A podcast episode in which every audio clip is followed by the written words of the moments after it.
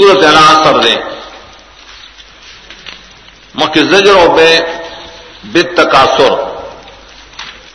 معلوم نڑی رہی دی زجر دے بے اسباب الخسران۔ پدی انسان کے تو تاوان اسباب پراتری پکار دار چرے فلاح طرف تلڑشی نو خلاصے دارا، یو شاید پیشگی ب خسران دے انسانان۔ شاید سرے ولا سرے ٹول زمانہ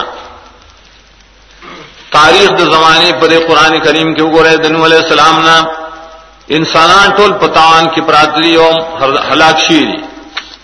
صرف آ بجتی جنا سلور خسلت ہی بگے۔